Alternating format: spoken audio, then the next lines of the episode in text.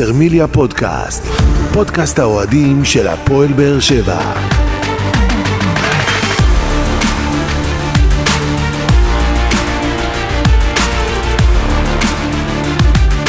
שלום לכם וברוכים הבאים לבשרמיליה פודקאסט, פרק 27 בסדרת פודקאסטים שמלווה את הפועל באר שבע לאורך העונה ותנסה להתמקד בנושאים שאתם, אוהדי הקבוצה, תעלו בפנינו בפלטפורמות השונות. כיף לחזור ולשדר אליכם, ולפני שנפתח את הפרק הזה נאמר שלום לגדעון אסולין. אהלן, אהלן, שלום, ערב טוב. ערב מצוין, שבוע טוב, חוזרים לעניינים אחרי לא מעט זמן שלא היינו. חוזרים בשיא האנרגיות. כן, זה הגיע הזמן לחזור. חוזרים בשיא האנרגיות, כן, הייתה לנו פגרה ארוכה, וכן, אה, אתה יודע, התחיל אה, עונה כזה, התחיל עם, אה, עם דינמו מינסק, אבל עכשיו, אחרי הניצחון בלוגנו, אנחנו עם הפנים לעונה חדשה. כן, אז זהו, אז הפועל באר שבע, כמו שאמרנו, כמו שאמרת, עברה את דינמו מינסק בסיבוב הקודם במוקדמות הקונפרנס ליג. במשחקים, אתה יודע, משחק ראשון... מגמגמים. במשחק ראשון אפילו יכול להיות יותר טובה מהמשחק השני, שבאמת היה משמעית. שעמומון אחד גדול. ואז הגענו למשחק הראשון מול לוגאנו ביום חמישי. לפני המשחק הזה דיברנו גם עם גדעון בקבוצות הוואטסאפ, ואתה יודע, בינינו אנחנו כל הזמן מדברים על מה שקורה בהפועל באר שבע, mm-hmm. ובראש, כמי שמסתכל על הפועל באר שבע, ואחרי שראינו את היכולת שלה מול דינמו מינסק, אמרנו מפתיע. שלחזור משוויץ עם תיקו, זה יהיה הישג להפועל באר שבע. או הפסד מינימלי, אנחנו קנינו אפילו הפסד מינימלי, אמרנו בוא נעביר את ההכרעה לטרנר. כן. תראה, בסופו של דבר מדובר בקבוצה שהיא קבוצה צמרת בכדורגל השוויצרי, לא מהאריות, אבל היא איפשהו, היא כן מחזיקה את הגביע, כן אה, עשתה שם הפתעה אחרי 23 שנה שלא לקח, לא לקחה תואר, אז אה, זכתה בגביע. גם היה ברור ש... לנו שמבחינת הרמה של הקבוצה והיכולת, זה לא מה שהכרנו מול מינסק, אלא הרמה הרבה יותר גבוהה שהפועל כן. שבע תצטרך להתמודד איתה. בדיוק, אמרנו, הכדורגל השוויצרי רשם התקדמות מאוד גדולה, גם ברמה של הנבחרת, אבל גם ברמה של הקבוצות, יש שם אה, באמת תקציבים גם אה, גדולים, ו, וציפינו לאתגר הרבה יותר גדול.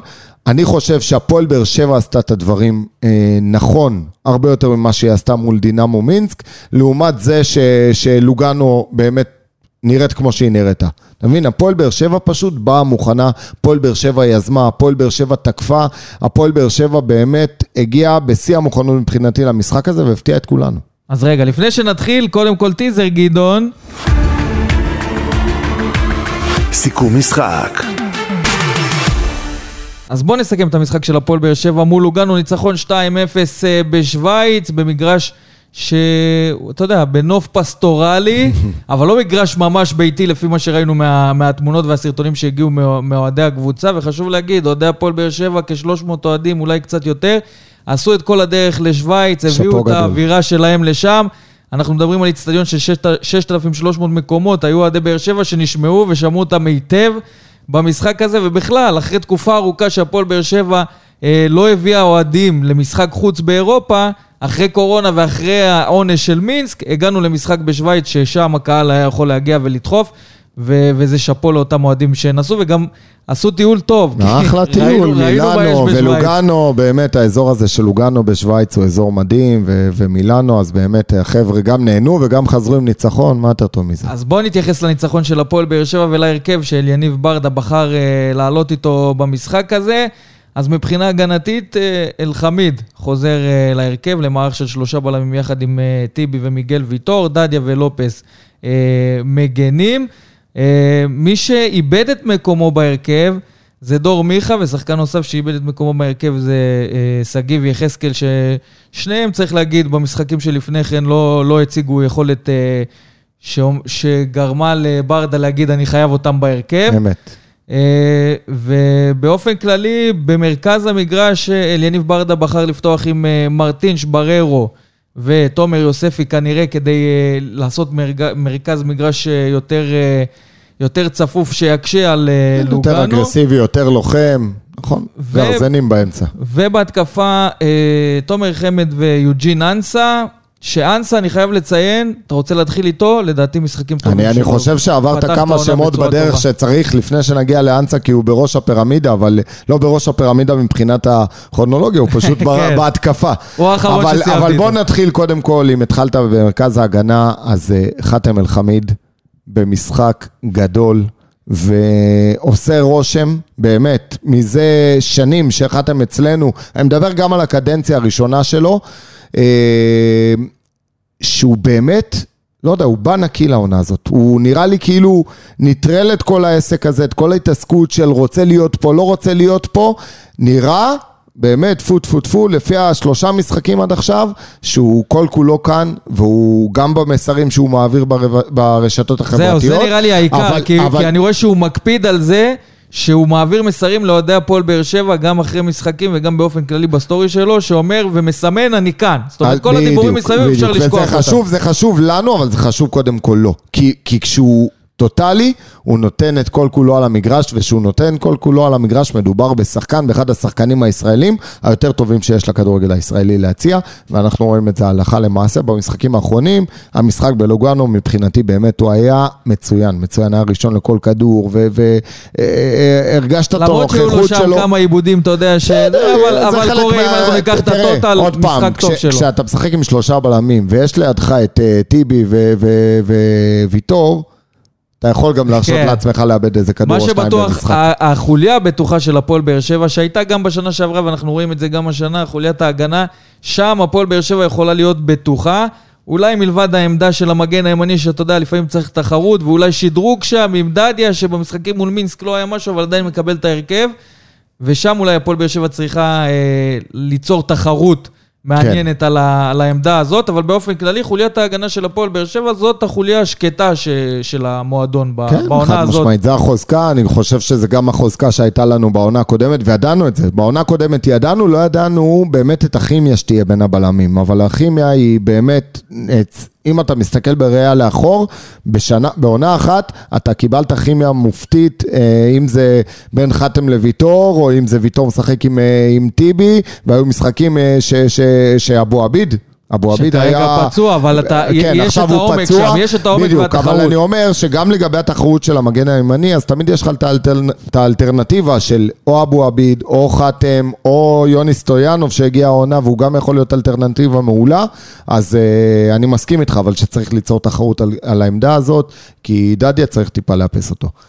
אה, לגבי אה, אם נתקדם אה, קדימה, אז צעיר אחר, צעיר, אני, אני מצחיק אותי לקרוא להם צעירים בגילאים האלה, 24, 23, 25, כי זה שחקנים שכבר אמורים להיות בשיא הקריירה, אולי מספר אחת על המגרש, תומר יוספי. זהו, אתה... אני ראיתי את התגובות אחרי המשחק של האוהדים של הפועל באר שבע ברשתות החברתיות. אולי מבחינה מקצועית אפשר להסכים איתך, אבל היה שם איזשהו שיקול דעת מוטה של תומר יוספי במשחק כזה משמעותי של הפועל באר שבע, שלעשות את הכניסה מסכים, הזאת, מסכים. ולהסתכן בצהוב שני, שכבר השופט, אתה יודע, היה בכיוון מסכים, של לשלוף אותו. מסכים איתך לחלוטין. זה דבר שאסור לקבל אותו, וצריך להגיד את זה. מסכים איתך לחלוטין, צריך ללמוד מזה, צריך להעמיד אותו במקום, וצריך גם להראות לשאר השחקנים. כי אתם זוכר, אתה זוכר בעונה הקודמת כמה צהובים, כמה אדומים על uh, אנשים שאיבדו את הראש, או שהם לא חשבו, או שלא זה, ו- ו- ולא מחויבים למציאות. אז בהחלט... ואתה יודע מה, אדום במשחק כזה, יכול להיות שהיינו מדברים אחרת לגמרי. חד משמעית, במשחק הזה אתה נהנה. חדש, אין לוקסוס לקבל אדומים או לעשות טעויות מהסוג הזה באירופה, אז במקרה הזה אתה צודק וזו נקודה שחורה מאוד גדולה. אם אני מנסה לנטרל אותה ולהסתכל על המשחק שלו כמשחק, באמת הוא נתן משחק טוב, אה, אבל מסכים איתך, צריך ללמוד מה, מהקטע הזה. ו, ועכשיו אני מגיע לאנסה, כי באמת כל השאר... לפני שאתה מגיע לאנסה, כן. אני רוצה להתייחס למרטינש. כי אתה יודע, אמרנו שאנחנו ניתן לו קצת הנחות וקצת הזמן להיכנס לעניינים, וראינו אותו שבמשחקים האחרונים של העונה שעברה הוא היה מצוין. הוא היה טוב, ראינו גרף שאתה יודע, חשבנו על זה שהוא יכול להוביל את מרכז הקישור של הפועל באר שבע, אבל במשחקים עד עכשיו, מרגיש לי שהוא עדיין פרווה. כן, כן, יש לו, למרות שנגד דינמו מינסק במשחק הראשון, אני כן הרגשתי שהוא היה דומיננטי, אני כן הרגשתי אותו פעיל, הוא שיחק אפילו לא בעמדה שלו, הוא שיחק יותר כאילו בתור השחקן שעושה משחק, בעמדה יותר קדמית אפילו, ואני חושב שהוא כן אה, נתן שם אה, איזה ערך מוסף, אבל אה, כן, לא, לא, לא משחק גדול שלו, אבל עוד פעם, אני, אני, אני חושב שמרטינש, מה שמיוחד בו, זה לא שחקן, וידענו את זה ואמרנו את זה, שזה אולי החולשה שלו, זה אולי החוזקה שלו, שהוא לא שובר שוויון. אי אפשר להגיד שהוא שובר זהו. שוויון גם במשחקים הטובים שלו. זה לא נכון. שחקן עכשיו, עוד פעם, זה לא שרי, זה לא ג'וסווה, זה לא טוני וואקם, זה לא שחקן שאתה אומר, וואו, הוא לקח את הקבוצה עכשיו על הגב ונתן כאן איזה זה לא בעיטה." שחקן שאתה אומר, אין לי ישראלי אבל- שאני יכול להביא שייתן יותר ממה שהוא נותן. כן, יחד עם זאת... ומזר אתה מצפה י- לתת יותר. כן, אבל יחד עם זאת, בעידן של היום, שאנחנו מדברים על חמישה, שישה זרים, בסדר? שישה זרים בסגל, יש לך את הלוקסוס שלא כולם יהיו שוברי שוויון, בסדר? כי אם אתה מסתכל על, האמ... על האלמנטים מהצד של זר שנטמע במועדון, והוא הסתדר מבחינה חברתית, והוא אוהב את הארץ, והוא אוהב את הקבוצה, ו... ו... והוא גם נותן לך תפוקה, גם שהוא לא שובר שוויון, אבל הוא נותן לך תפוקה די קבועה. אתה יודע שהשחקן הזה, רוב הפעולות שלו הן חיוביות, הוא עושה עבודה במגרש, במרכז המגרש, יש לו מסירות לפעמים, מסירות אומן, זה דברים שאני כן קונה אותם כ... כזר עוד פעם, חמישי או שישי, כן הייתי רוצה לראות לצידו עוד איזה שובר שוויון אחד או שניים. זה, זה לגבי מרטין, שאני חושב שהוא בסך הכל שחקן מאוד חיובי, וכן תהיה לו איזו עקומת השתפרות אה, עם הזמן, כבר בעונה הקרובה. טוב, יהיה מעניין לראות באמת שנקבל את ההתקדמות הזאת אה, של מרטין, כמו שאנחנו מצפים, ובאמת נראה ממנו אה, דברים, אתה יודע, יותר עוצמתיים כשחקן זר שמשחק בהפועל באר שבע. גם מריאנו בריירו מקבל שוב את הקרדיט אה, מאליניב ברדה, שאתה יודע... כן, היה כאן איזה סטירת לחי למריאנו. כן, דיברנו על, על, על רמת חשוב. הרצינות באימונים, וברדה באמת, לא ונראה לי שהוא העמיד אותו במקום. אני חושב לגמרי, לא משנה מי ו- השחקן, אליניב ברדה אומר, מי שטוב, מי שהוכיח שהוא בא לתת את הכל, ישחק. וזה מה שאני אוהב אצל אליניב ברדה, וזה לא משנה מי השחקן, גם אם זה אבל בריירו. הוא עושה את זה הוא ב class, הוא עושה את זה בצורה נכונה, כי הוא לא מוריד את השחקן. יש מאמנים, אתה יודע, שבאים עכשיו, סדרת חינוך, אתה לא תעשה אצלי פה זאת, אתה לא תצא ממורמר, אתה לא... ו- ו- ויכולים עכשיו לתת לו, גם אם זה רק משחק אחד, אבל זה בצורה שהיא לא... אתה לא מרוויח את השחקן אחרי זה, זו הכוונה שלי. כן. אליניב יודע לעשות את זה בחיבוק, לתת את הסתירה מצד שני את הליטוף. מצד אחד. הסתירה זה שאתה כן, לא כן, בהרכב ולא מקבל דקות במשחק אחד. משחק שני אתה חוזר, אבל חוזר בשיא הביטחון. וזה מה שאני אוהב אצל לגמרי. וראינו את זה גם עם, ה... זה לדעת עם לנהל הפרשנות סגל, וזה שלו, מדהים. עם הפרשנות שלו לרותם חתואל אחרי המשחק הראשון מול מינסק, שאתה יודע, אמרת דברים, ולא עכשיו בדיוק, ראינו פה השחיל איזה את פיצוץ. השם שלו כן, ברעיונות. ראינו, העביר את המסר, ובסוף... יום אחרי זה אתה כבר רואה פוסט של כן, חתואל, וזה. כבר משיג את המטרה. נכון. זה עוד פעם, בלי, זה בלי לחיות... איזה אנרגיות שליליות כאלה שלא מוסיפות כלום, זה- זה... הכל ממטרה טובה, ורואים שזה גם מצליח לדבר לזה. זה לחיות את השחקנים שלך, זה לחיות את המקצוע, ואנחנו ראינו את זה שהוא חי גם את המשחק מבחוץ בגול של סלמני, איך הוא זהו, הניף את השאלה אם הרגל, רושמים את הגול מדהים. או לסלמני, זה- זאת אתה יודע, השאלה. אחי שלח לי הודעה, רושם לי בול כמו רוני לוי. אמרתי לו, כן, רוני לוי רק לקח את זה כמה צעדים קדימה, כי הוא היה צולל בנגיחות. אליניב יותר מתון, אבל בהחלט, אני שמח. אתה יודע, זה מעיד המון, ש- שמאמן על הקווים והוא חי את המשחק והוא זז עם השחקנים, זה, זה מעיד כמה תשוקה יש לו למקצוע הזה. בואו נתקדם אה, למעלה ב- במגרש, יוג'ין אנסה ותומר חמד. אנסה, התחלתי להגיד שהוא מבחינתי פתח את העונה בצורה אה, טובה. איך אתה רואה את הדברים? אז אה, אנסה, מבחינתי זה מדהים, כי אתה יודע, אני נהיה קצת קיצוני ובמרכאות ולקחת בעירבון מגובל את המילים, אבל מבחינתי זה שחקן שדי היה בקבר.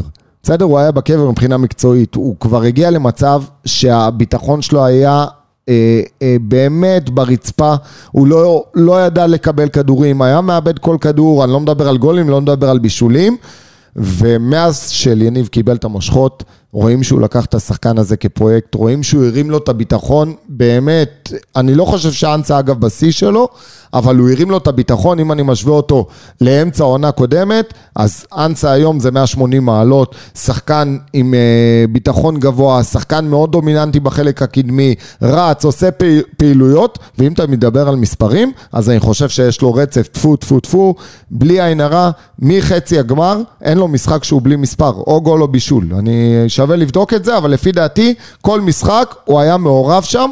יחד עם רותם חתואל. לא רק שחק- מבחינת המספרים, מבחינת המעורבות שלו בהתקפות של הפועל באר שבע, כן? שאתה יודע, הוא גם מעורב. לא עושה את השטויות. הוא לא נעלם, ההיעל- הוא לא... כן, את ההיעלמות הזאת שדיברנו עליה נכון. במשחקים קודמים.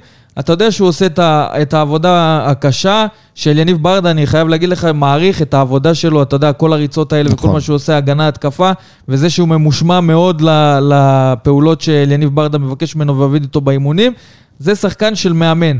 רואים את החיבור של אנסה עם אליניב ברדה, ואליניב מצליח להוציא מאנסה את מה שרוני לוי לא הצליח, כי ראינו אותו אה, כמו עוד שחקנים אחרים בתקופת רוני לוי שהיו מנומנמים, ואצל אליניב ברדה ראינו את הדברים... חד משמעית, הדברים ואני, אחרים. וזה מתקשר למה שדיברנו מקודם, איך אליניב חי את הקבוצה, איך אליניב יודע לחבר, לנהל את הסגל, וזה דברים שאתה יודע שבדרך כלל הם, אה, לוקח זמן לדעת את זה. ואצל אליניב מבחינתי זה מ-day one, זה משהו שטמוע בו, משהו שטמוע בנשמה שלו, באופי שלו, והוא עושה את זה באמת, הוא מנצח על התזמורת בצורה מדהימה, ולקחת באמת פרויקט כזה, כי, כי זה שחקן כבוי. אתה יודע, חתואל... גם אצל רוני לוי, אה, אומנם הוא כל הזמן חוגג, בוא תראה מה פספסת והכל, אבל גם אצל רוני לוי חתואל נתן את הגולים, היה עושה... הוא לא שחקן שקל להוריד אותו. אנסה זה שחקן שנחבא. אני לא יודע אם להאשים רק את רוני לוי בקטע הזה, אבל הוא שחקן אני יכול מסיבה להגיד כזו או לך אחרת. שאנסה, אה, יש עבודה מאוד אה, צמודה במועדון בקטע המנטלי. גם גיל. לבנוני שנכנס אה, לקראת אמצע העונה שם עם אליניב ברדה, נכנס לעניין שאגב, המנטלי. תעצור פה, תעצור פה, לא התייחסנו ולא דיברנו עליו יותר מדי, אמנם דיברנו על זה בסיכום העונה, אבל להחזיר את גיל לבנוני בדיוק בנקודת זמן הזאת, שאמרנו שזה צועק לשמיים, שיש, ש, שיש חוסר במאמן מנטלי, אז זהו, צריך להגיד, קודם כל בהפועל באר שבע, עוד לפני שגיל לבנוני הגיע, לקחו את אנסה והצמידו לו מאמן מנטלי מבחוץ. ברגע שגיל לבנוני הגיע, העבודה הפכה להיות, אתה יודע, רוב האימונים... אינטנסיבית ומבית, ו- 24-7 ב- בהתקשרות שלו עם, אה, עם גיל לבנוני, שהוא היועץ המנטלי שהצטרף למועדון, ואני חושב שגם לזה יש משקל ב- יש, בשיפור יש של אנסה. משקל, יש משקל אדיר, ואתה יודע מה? גם בזה שהפועל באר שבע לקחה גביע, וגם בזה שהפועל באר שבע לקחה אל- אלוף אלופים, יש משקל בזה שהביאו מאמן מנטלי באמצע העונה. עד כדי כך. וצריך להגיד, להפועל באר שבע בתקופות לשמיים, היפות של האליפויות עם ברק בכר היה היה והביאה מאמן באמת מנטלי. שלפה קלף בקטע הזה, כי גיל לבנון גם אחד שמכיר את המועדון, ולפי דעתי באמת הוא עושה עבודה שקטה, אבל עובדתית, גם בקדנציה הקודמת שלו, כשהוא כאן קורים דברים טובים. לגמרי. מילה על אה, תומר חמד, שלדעתי שחקן רחבה יוצא מן הכלל, חסר מישהו וזה זועק. שיעביר את הכדורים שיזין בצורה אותו נכונה. מצד ימין. בדיוק, כן. מצד ימין, מאחורה, לא משנה מה, חסר נכון, להפועל באר שבע, נכון. שחקן יצירתי ש... אתה יודע, אנחנו מדברים על ניצחון 2-0, אבל לא ראינו איזה משחק יוצא מן הכלל של הפועל באר שבע, שאתה אומר זה משחק גדול, ו... נכון. ובאמת עליונות ש... ש... שלא השאירה אה, ברירה לקבוצה היריבה. יש להפועל באר שבע עוד דברים להשתפר בהם, ואם בטח. זה להשתפר, אז קודם כל שחקן כנף אחד, אולי אפילו שניים, ועוד שחקן יצירתי, כי רואים שלהפועל באר שבע חסר משהו שיצא מהקופסה, משהו יצירתי, משהו שיפתיע את היריבה, שאת זה עשה רמזי ספורי בעונה שעברה וגם בתחילת העונה במחנה האימונים במשחקים, ואין לנו אותו כרגע כשהוא פצוע. אמנם הוא היה בסגל, אבל עדיין ייקח לו זמן להיכנס לעניינים. דור מיכה שנכנס, אתה יודע, ראינו את החילוף ואת זה שהוא נתן את הפס אה, לסלמני, שהכניס את שער הבכורה שלו במשחק הזה, אבל זה עוד- חסר, זה עוד חסר בישול, אבל אני. מסכים איתך, מסכים איתך, אה, שאם אתה... תראה, אפשר בסוף לראות להרבה כיוונים ו- ולא להרוויח כלום, או שלהתמקד בנקודה אחת חשובה. אז תן לי את הנקודה. כי- אז אני אומר, כי אם אני מסתכל על כמה חסרונות, אז תעשה איזה בריף ממה שדיברנו מעכשיו, אז מגן ימני עושה משחק ו- וכנף ימין. אם אתה שואל אותי, הכי להתמקד זה בכנף ימין, אבל ברמה של שובר שוויון. ברמה של אחד כזה, אני לא אגיד טוני וואקמה, לא, אתה יודע, לא, לא, לא יכוון הכי גבוה שיש, אבל אחד שלא בהרבה פחות ממנו. אלטון אקולציה כזה. לא, לא, לא, באמת, שחקן, שחקן שאתה יודע שהוא מוכח, כן. שחקן שיבוא ויעשה את הצרות, שחקן שיכניס את הכדורים, שחקן שייתן את הגולים, את הבישולים, שיהווה איום בצד ימין, ו, אה, ויש לך את חמד ויש לך את סלמני, ובצד שמאל יכול להיות שגם סלמני יוכל לשחק ככנף, יש לך תחרות בריאה שם בין אנסה, בין יחזקאל, בין חתואל, אני חושב שבמצב כזה אנחנו ניצור כאן איזון מעולה, ולגבי העושה משחק, אני מאמין שספורי יחזור לעניינים מהר, וספורי במומנטום אדיר, גם עם התקופה בנבחרת, ויש לנו אוטוטו גם משחקים של הנבחרת, אני חושב שבאמת משם הוא קיבל רוח גבית מעבר לעונה המדהימה שהוא עשה בהפועל באר שבע, אבל לא אני רק חושב משם, חשוב להגיד שגם אוהדי הפועל באר שבע, אתה יודע, שנה שעברה, אם אתה זוכר, הוא חזר מהשאלה ממ"ס אשדוד, נכון. ואז בקיץ דיברו על זה, יישאר, לא יישאר, אוהדים פגשו אותו בדובאי, והוא אמר, אני נשאר בכדי להוביל את הפועל באר שבע בשנה הבאה, וזה באמת קרה, כי בסוף רמזי ספורי עם התרומה ההתקפית שלו, כמעט בסיבוב הראשון, על הכתפיים שלו בלבד, הצליח לסחוב את הפועל. באר שבע בתקופה שלא היה לנו כמעט כלום התקפי. רק משמעית. המצבים היה לנו ורק שלושה התרומה של שחקנים רמי על ספורי. המגרש מובילים, שזה ויטור, בררו וספורי. נכון, ו- והוא ו- ממשיך, ו- ממשיך בקו הזה, כי העונה הזאת, בעונה שעברה, קנתה את הקהל של הפועל באר שבע. אגב- אגב, באותה- באותה תקופת-. באותה תקופת זמן שאתה מדבר על זה שפגשו אותו בדובאי, אם אתה שואל כל אוהד אה, ממוצע, כשדיברו על החתמה של דור מיכה, או שידענו שזה הולך לקראת, כי היה שם עיכוב עם, הח, עם החתימה של דור מיכה, אבל ידענו שדור מיכה יהיה פה, ושכטר, ורוג... לא יודע, גם דיברו על רוקאביצה, ו... אני לא חושב שמישהו בכלל חשב שספורי יהיה, גם אם הוא יהיה בסגל, הוא יהיה כסגנם כזה. אבל הוא עשה סוויץ' בראש. מה זה הוא עשה סוויץ', בראש וראית בא, ממנו וכמו גם דברים שאמרת. הוא הוביל את המושכות והגיע לנבחרת באמת בזכות. לא בחסד של אף אחד, הגיע בזכות, בזכות העבודה הקשה שלו, בזכות השינוי המנטלי הגדול שהוא עשה, אפרופו מנטלי. גם ספורי עשה שינוי מנטלי אדיר, התבגר מאוד במשחק שלו, ואני חושב שספורי השנה ימשיך בקו הזה, יחזור, כמובן שיהיה בריא ונאחל לו. אז דיברנו על זה שהפועל באר שבע, לפי איך שאנחנו ראינו את הדברים לפני המשחק, תיקו היה טוב לנו. חזרנו עם ניצחון שזה מעל המצופה, וזה בזכות ההכנה הטובה, כמו שאמרת, של אליניב ברדה לקראת המשחק הזה, כי ראינו קבוצה שמגיעה מוכנה ועושה את הדברים בצורה נכונה. לא משחק גדול, אבל משחק יעיל מאוד של הפועל באר שבע. ואם אנחנו מדברים על הכנה טובה של אליניב ברדה במשחק הזה, חשוב להדגיש, גם החילופים שלו והתגובות שלו תוך כדי המשחק היו מצוינות. שלושה חילופים, שלושה מדהים. שחקנים בגול השני, מדהים. מעורבים, גם...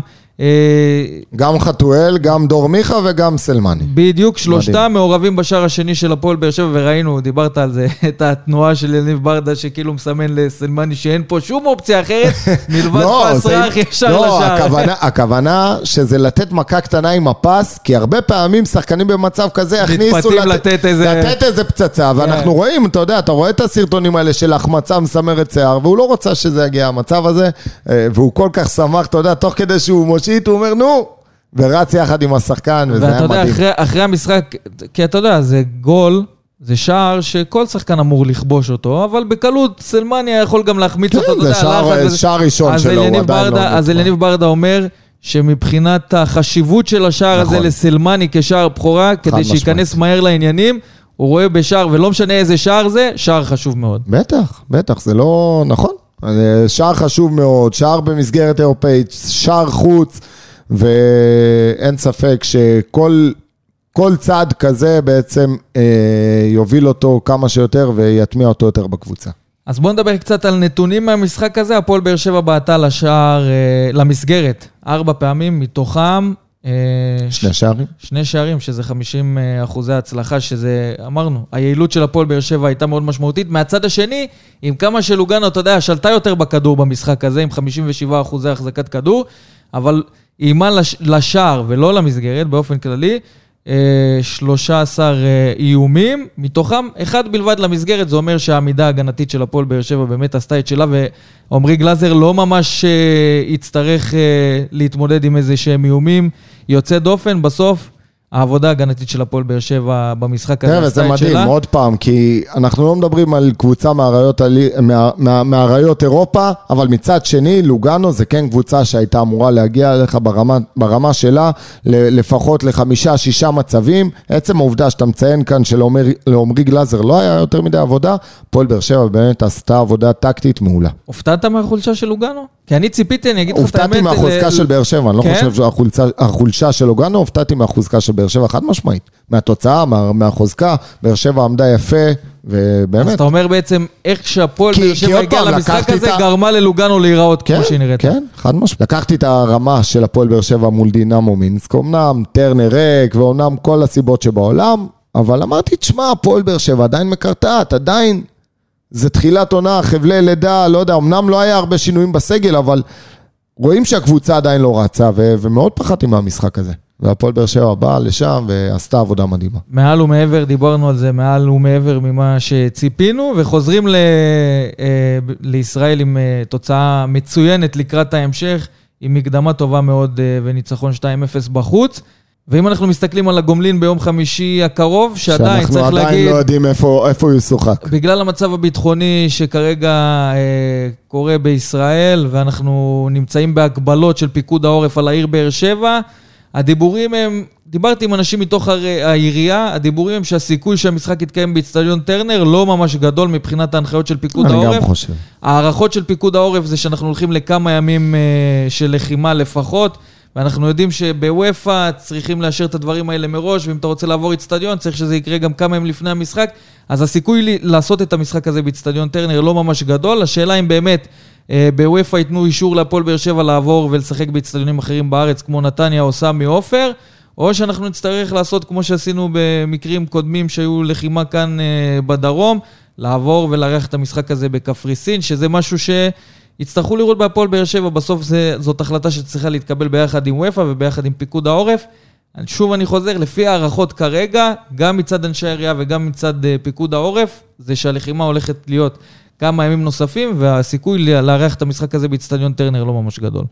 כן, בוא נקווה שבסופו של דבר המבצע הזה יסתיים כמה שיותר מהר, עם תוצאות טובות, ונחזק מכאן את חיילי צבא ההגנה לישראל ואת הכוחות, ובעזרת השם שבאמת יעבור בשלום ועם אה, כמה שפחות נפגעים, אה, אה, גם בצד שלנו וגם בצד שלהם, אם זה אזרחים. אני לא מאחל אה, לאף אזרח להיפגע, אבל מי שמגיע לו להיפגע, שייפגע.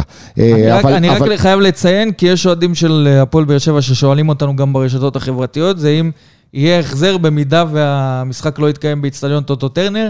נכון לרגע זה אני מדיבורים... מתאר לעצמי שיהיו חייבים להחזיר אני מבחינת גם, אה, אני חוק גם, הגנת למרות הצרכן. שמבחינת הפועל באר שבע כרגע, הם אומרים אנחנו משחקים באיצטדיון טרנר, כרגע, נכון לרגע זה. אם אתה אבל שואל אותי, נראה- אם אתה שואל אותי, יש לי איזו הערכה ככה לגבי טדי, אבל אה, כן. טוב, אנחנו נצטרך לראות, אתה יודע, זה זה צריך להתקבל- זה צריך זה- להתקבל זה- אישור של וופא בכדי לארח על סמך דעתי. בלבד, אני לא חושב שבבאר שבע יהיה משחק.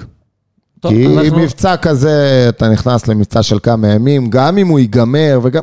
יש עדיין את השאריות של המבצע. אז אנחנו נצטרך באמת לראות אה, לאן הדברים יתפתחו, אבל בואו נתייחס שוב מקצועית לגומלין, כי אני לדעתי, כן, הפועל באר שבע לא צריכה להתפתות יותר מדי בגומלין הזה, ולהגיע בצורה סולידית, לא לחפש התקפה, בסוף הלחץ עליהם, אנחנו נשחק את המשחק אבל שלנו, מצד- הם יגיעו במטרה לתקוף, ואתה יכול להוציא, אתה יודע, התקפה מתפרצת וגול.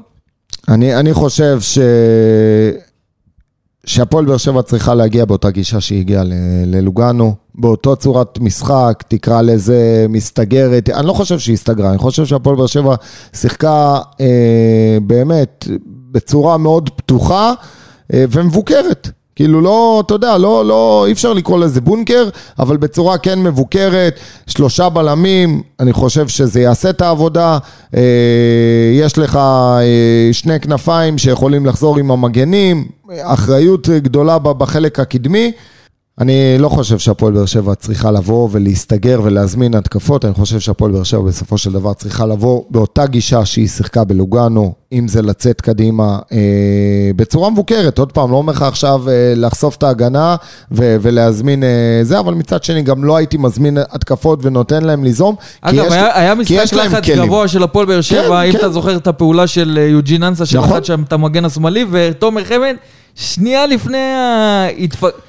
ההשתלטות על הכדור מול השוער, התפספס לו שם. בגלל זה אני אומר, כי אני חושב שלוגנו כן תחשוב שהפועל באר שבע, או כן תתכונן לזה שהפועל באר שבע אומר, טוב, 2-0, אנחנו נבוא להסתגר מאחורה ונעקוץ במתפרצות, והם יכולים להיערך למשחק הזה. עכשיו, אה, איפשהו זה גם יכול לבוא ולהלחיץ אותנו, כי אתה, זה לא המשחק שלך. הפועל באר שבע, ומה שאני מבין ככה בינתיים, מהזמן הקצר של יניב ברדה אה, בתפקיד המאמן, הפועל באר שבע לא באה לה להסתגר, היא באה לשחק כל משחק, היא באה לצאת, היא באה ל- ל- באמת לעמוד בצורה נכונה מול אותה אה, קבוצה שנעמדת מולה ולהכין את עצמה אה, לכל משחק לגופו. אז זה מה שצריך לקרות. הפועל באר שבע תבוא, לדעתי מערך של שלושה בלמים ישיג את המטרה. אה, בלמים כמו שלנו, עם אחריות של, אה, כמו שלהם, עם ניסיון כמו שלהם, מגנים תוקפים חזקים. אה, שניים בכנפיים שיחזרו עם המגנים שלהם, אה, ואמור לעשות את העבודה. מה שבטוח, החוליה הכי פחות טובה לדעתי אצל לוגנו זה החוליה ההגנתית, ששם כן. הפועל באר שבע שוב יכולה לנצל את בגלל זה אני החולשה אומר, שלהם. בגלל זה אני אומר, אני, אני כן הייתי, כמו שאתה אומר, לחץ גבוה גם בחלק מה, מהמשחק בהחלט יכול להפתיע את לוגנו, ועוד גול אחד ואתה כבר סוגר את הסיפור, אז לא, לא הייתי מזמין התקפות אז במקרה הזה. אנחנו באמת נקווה שהפועל באר שבע תוכל אה, להשיג את הכרטיס בסטייל, נקרא לזה, ועם אה, ניצחון אה, נוסף בגומלין, שאנחנו עדיין לא יודעים היכן הוא עוד פעם. התוצאה שבירה, צריך להבין את זה, התוצאה שבירה, הפועל באר שבע צריכה להכין את עצמה ולבוא מוכנה למשחק, כאילו זה 0-0. ובכל- כמובן שאם נבקיע גול אחד מוקדם, אז באמת אפשר קצת אה, יותר אה, להוריד רגל מהגז ו- וליהנות מהמשחק. ובכל זאת אני רוצה להוסיף עוד נקודה, אתה יודע, דיברנו גם על מרטינש, גם על בררו, ויש שחקן נוסף ששותף במשחק האחרון של הפועל באר שבע, שזה שי אליאס, ששוב מקבל דקות, ובינתיים לפחות אני לא רואה פה איזשהו שחקן שמוביל, שיוביל את הפועל באר שבע בעונה הזאת. זה כאילו עוד שחקן מאותו דבר, פחות הוא, או הוא, יותר. לא, הוא לא יוביל, אבל אה, שי אליאס הוא שחקן חזק, הוא שחקן שעושה עבודה באמצע, הוא שחקן ש, שמוביל מבחינת עיקולים. עוד פעם, על פי זהו, הסטטיסטיקה גם, שלו. גם ראינו את הודעת המועדון כשהוא חתם כאן, שהם נכון, עקבו ראינו את הסטטיסטיקה מוביל, ויש לו סטטיסטיקה יפה. והרימו לו בהחתמה הזאת. נכון, עקבו אחריו הרבה זמן, עבודה שקטה נעשתה בקטע הזה. אני חושב ששי אליאס הוא באמת שחקן טוב בעמדה שלו. יחד עם זאת, תמיד שנזכיר אותו, לי חורה שאיך שלא נהפוך את זה ואיך שלא נצייר את זה, זה בא איפשהו על חשבון אילי מדמון. וכן, חורה לי, כי אילי מדמון זה אמור להיות אה, שחקן שבעונת הפריצה שלו, ושחקן שהוכיח שהוא יכול להוביל קבוצה בליגה לאומית, ו- ויכול להוביל נבחרת זהו, הנוער. ועכשיו כשיש את העומס הזה... העומס הזה הוא בסוף בא על חשבון. וזאת ו- העמדה ו- הכי ו- עמוסה של הפועל באר שבע, צריך להגיד את זה. ויכול להיות שגם כאן- אדמון לא יישאר פה גם ב... ברור, בסוף, בסוף מדובר הוא- כאן הוא ביהלום, שלא אחרת. בא לי להסתכל בעוד עונה, שתיים, ולהגיד איך פספסנו אותו. או שהוא בתרחיש הטוב יהיה במועדון אחר שקנה אותו והוא מתפתח שם, או שבתרחיש הגרוע, ואני לא, לא רוצה להיות שם, הוא פשוט ייעלם. טוב, אנחנו נקווה שלא לא נאבד כי- גם כי את אילי לנו- מדמון שיכול להתפתח בהפועל באר בדיוק, שבע. בדיוק. קיבלנו כי כבר אתה יודע, לא, מספיק- לא ראינו יותר מדי שחקני על בית של הפועל באר שבע שמצליחים להשתלב ב- בסגל, ובאמת אנחנו מדברים על אילי מדמון, שאולי בין הבודדים, שכבר מגיל מאוד מוקדם סומן כיהלום, והופעה ראשונה שלו בהרכב של הבוגרים של הפועל באר שבע בגיל 17 בלבד. זאת אומרת שיש פה איזה מישהו שכן אפשר לשלב אותו. נכון שהיה לו שם איזה טעות מול אה, מינסק, לא משנה, הטעויות האלה, הט- הטעויות- האלה רק לומדים ורק. מתחשלים. צריך להפך, ואחד כמו ברדה, אני בטוח שהוא בא ומחבק אחרי טעויות כאלה, כי מהטעויות האלה אתה נהיה שחקן יותר טוב, ו- ו- ולנו כקהל או כתקשורת, צריך את האורך רוח שיהיה אה, לגבי השחקנים האלה, במיוחד שהם מבית ובמיוחד שאנחנו מסתכלים לראייה לטווח ארוך. בסוף צריך להבין, מחלקת נוער זה מפעל, זה פס ייצור. העניין הוא שהתוצרת קודם כל היא מגיעה בכמויות מאוד מאוד קטנות, ואם רואים אותה, אם בכלל רואים אותה, זה אחרי הרבה מאוד שנים. עכשיו, עד שיוצא לך יהלום כזה, כמו אילי מדמון, אתה חייב לבוא ולעשות איתו משהו. אתה לא יכול לזרוק את זה, לא, השאלה, לזרוק השאלה, את זה השאלה לפח. אם שמונה שחקנים נלחמים על אותה עמדה, אם אתה תוכל לשלב אז, את אז, מדמון אז, בעונה אז מה הזאת. שאני אומר, אם לא הייתי ברור עד עכשיו, שהוא לפני כל השמונה. כן? אני, אני לדעתי, זה האינטרס שצריך להיות להפועל באר שבע. טוב, זה מעניין מה שאתה אומר, כי אתה יודע, בסוף, גם במשחקים פחות טובים, יש ביקורות. ואנחנו ראינו גם את הביקורות אילי אבל, הוא, מדמון. אבל הוא התחשל מהביקורות האלה. לא, השאלה אם אתה באמת נותן לו את המפתחות ואומר, קח, האחריות עליך. כן. למה לא? למה לא? אני שיש חושב... לך שחקנים אחרים כמו מרטינש, כמו בררו, כמו קלטינס, כמו שאתה- גורדנה שיחזור, ושאליאס שהגיע. הכל בסדר. תחשוב על המלחמה הפנימית שקורית. הכל בסדר. קודם כל, לא אני בניתי את הסגל, ולא אני הגעתי למצב שיש לי 16 אנשים באותה עמדה כמעט, או בעמדה. קרובה, שמונה אנשים זה גם המון.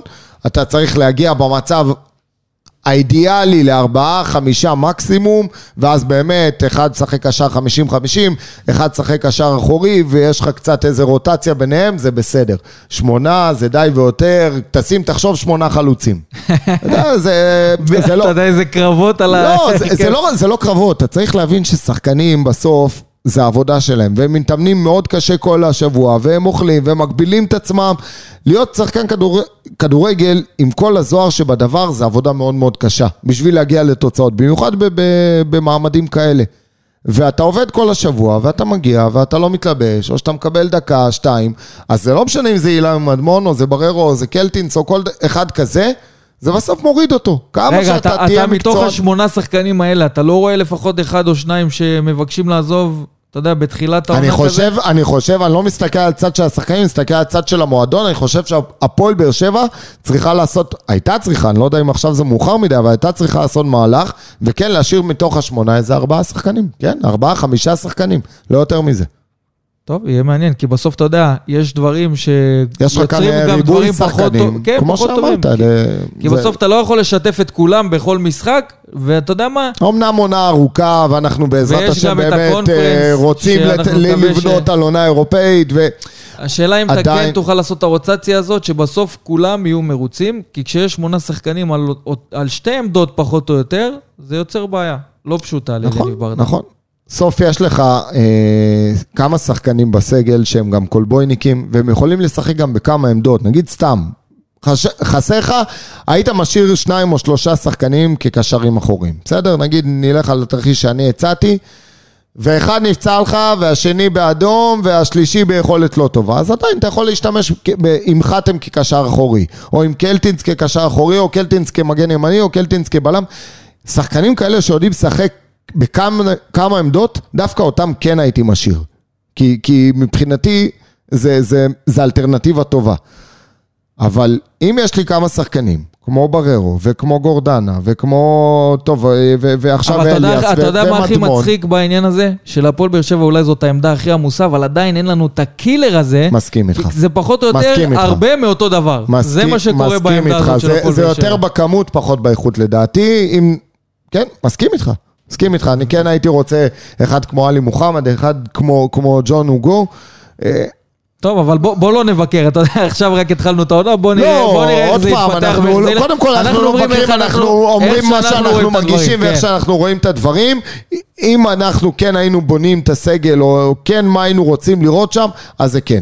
יחד עם זאת, יחד עם זאת, אני חושב שהמשולש אמצע של הפועל באר שבע, שלדעתי הוא היה החוליה החלשה ביותר בעונה הקודמת, בתחילת העונה הקודמת, רשם התקדמות ענקית. כי אם אני מסתכל היום על בררו, זה לא אותו בררו שהתחיל את העונה הקודמת, הוא רשם התקדמות ענקית, ואני חושב שהיום הוא כן קשר אחורי, לגיטימי ואפילו מוביל בליגת העל. אה, מרטינש, כמו שדיברנו כבר, כן צריך אותה השתשפות, וכמובן ספורי שמבחינתי רשם עונה אדירה, היה לו כמה, היה לו תקופות קצרות שהוא נעלם, או נפצע, כן. או נהדר, אבל אם אני מסתכל כראייה, אז uh, המשולש אמצע של הפועל באר שבע, שמאוד פחדנו ממנו בתחילת העונה, רשם התקדמות אז ענקית. אנחנו קודם כל נאחל בהצלחה להפועל באר שבע במשחק הגומלין אה, מול לוגאנו, ובאמת נחזיק אצבעות אה, לקבוצה שתעפיל אה, לשלב הבא בעזרת השם, וכמובן שכל המצב הביטחוני יהיה רגוע, ואם נוכל לארח בטרנר אז בכלל, אבל גם אם לא, אני מקווה שאוהדי הפועל באר שבע עדיין אה, יתמכו בקבוצה ויגיעו לעודד, גם אם זה באיצטדיונים אחרים בארץ, או גם אם זה... תהיה נדידה אה, לקפריסין, שאני מאמין שגם לשם יגיעו אוהדים של הפועל באר שבע. זרקת משהו על הנוער של הפועל באר שבע, אנחנו עוד נתעסק בזה בהרחבה בפרקים הבאים, אבל באופן כללי, בקיץ הזה הפועל באר שבע השקיע מאמץ לא קטן כדי לחזק את קבוצת הנוער של המועדון. ראינו גם בלם, גם שוער, שהוא שוער נבחרת שהגיע ל- ל- לקבוצת הנוער. גם חלוץ וגם אדיר עם חלוץ מספרים, עם שהגיע מספר- מהפועל חיפה, מהליגה, מליגת המשנה של הנוער, עם 52 אה, שערים, שזה נתון יוצא מן הכלל, לא משנה איפה זה קורה. וכן, יש שם חשיבה להפועל באר שבע לחזק גם את קבוצת הנוער עם שחקנים שאולי בעתיד יוכלו גם להגיע לבוגרים, ולא רק לבנות על שחקנים שמגיעים מהאזור פה וגדלו במחלקת הנוער. כן, ואני חושב אחרי העונה הקודמת, תראה, הדרך לגיהנום רצופה כוונות טובות אומרים, ואני לא חושב שאלונה, במיוחד אחרי, בוא, בעונות הראשונות היא כן השקיעה וכן עשתה ותמיד הביאה אנשי מקצוע, ו... אבל זה לא היה זה, כי אתה רואה מבחינת תוצאות, לאורך זמן, זה לא היה זה. ובעונה הקודמת, ואני מזכיר לך את הפודקאסט הראשון, אירחנו את מאור מאור מליקסון, מליקסון, ודיברנו על שכבר דברים... לא נמצא במחלקת שאני הנוער, צריך צבעתי להגיד. את עצמי כששמעתי שיש אותם היום במחלקת הנוער של הפועל באר שבע וכל המעקב ואנליסטים ו- ו- ו-GPSים ודברים ש... בסדר, אנחנו רואים את זה בקבוצות בוגרות, אבל לראות את הדברים שנעשים היום במחלקת הנוער עוד מהעונה הקודמת, זה היה מדהים בעיניי. באמת, בתור אחד שעבד שם לפני כמה שנים טובות, שאתה אומר, ראיתי מה יש לי שהיה, את האינדיקציה הזאת. בדיוק, כן? יש לי את הזה. יחד עם זאת, מה שקרה בעונה הקודמת, צריך להדליק לא נורה אחת, עשר נורות אדומות אה, אצל ראשי המועדון, ולהגיד מה לא עבד פה. איך קבוצת הנוער שלנו, עד השנייה האחרונה, כמעט עמדה לרדת ליגה. עכשיו, קבוצת נוער שיורדת ליגה, זה משליך על כל המחלקה. כי נערים א', אז זהו, בסוף הם כבר הצליחו יודעים, להישאר בליגה. נערים א' כבר וגם יודעים ש... במועדון אומרים שהעונה הזאת של קבוצת הנוער הולכת להיות עונה הרבה יותר טובה. אז זהו. כי יש הרבה שחקנים שהשתפשפו שנה שעברה בעונה ראשונה בנוער, והיום רוב בעונה השחקנים... הישארות, בעונת כן. הישארות. והיום, השחקנים שהם גם לקחו שנת השתפשפות, הם עדיין שנתון 2004, זאת אומרת, הם ממשיכים בנוער נכון. ויכולים להוביל גם את הקבוצה. נכון, אז, אז כמו שאומרים, סוף טוב, הכל טוב, קבוצת הנוער באמת אה, נשארה בליגה, בשיניים וברגעים האחרונים של העונה, אה, ועשתה את זה בניצחונות מרשימים, ועכשיו צריך לבוא ולהסיק מסקנות וללמוד, וכמו שאתה אומר, אחד מהדברים, כן, גם להביא אה, כישרונות ושחקני חיזוק מקבוצות אחרות. זה מה שעושים בכל הארץ. וזה מה שעשו בהפועל לא באר שבע, משהו וזה ש- יפה לראות, ואני יכול להגיד לך שזה לא רק לקבוצת... זה לא רק לקבוצת הנוער, אני יכול להגיד לך, ויהיה לנו פה שיחות גם עם אנשים מתוך מחלקת הנוער של הפועל באר שבע, נכון, אנחנו אנחנו ננסה להבין אמר- את הדברים יותר, כי אנחנו- אמרנו, אמרנו שהשנה שהעונה, אנחנו רוצים להיות יותר לפחות מעורבים. מהצד שלנו, נקווה שיהיה באמת אה, ככה אה, אה, פידבק גם מהצד שלהם. מהצד שלנו אנחנו כן רוצים לערב את הקהילה ואת הקהל יותר במה שקורה במחלקת הנוער. אה, כל מיני שחקנים דומיננטיים, מי המאמנים, מה הקבוצות עשו, זה כן משהו ש... אז זהו, אז יש שחקני רכש של הפועל באר שבע, גם לקבוצות, אה, מבחינת הגיל, קבוצות קטנות יותר מקבוצות הנוער, מקבוצת הנוער. אנחנו כמובן נעקוב ונעדכן בפרקים הבאים בהתפתחויות. אז כמובן, גדעון, אנחנו נאחל בהצלחה להפועל באר שבע במשחק הגומלין מול לוגאנו, נחזיק אצבעות, אנחנו השם. נשתמע בפרקים הבאים. גדעון אסולין, תודה רבה. תודה רבה. עד כאן הפרק ה-27 של וסרמיליה פודקאסט. וסרמיליה פודקאסט, פודקאסט האוהדים של הפועל באר שבע.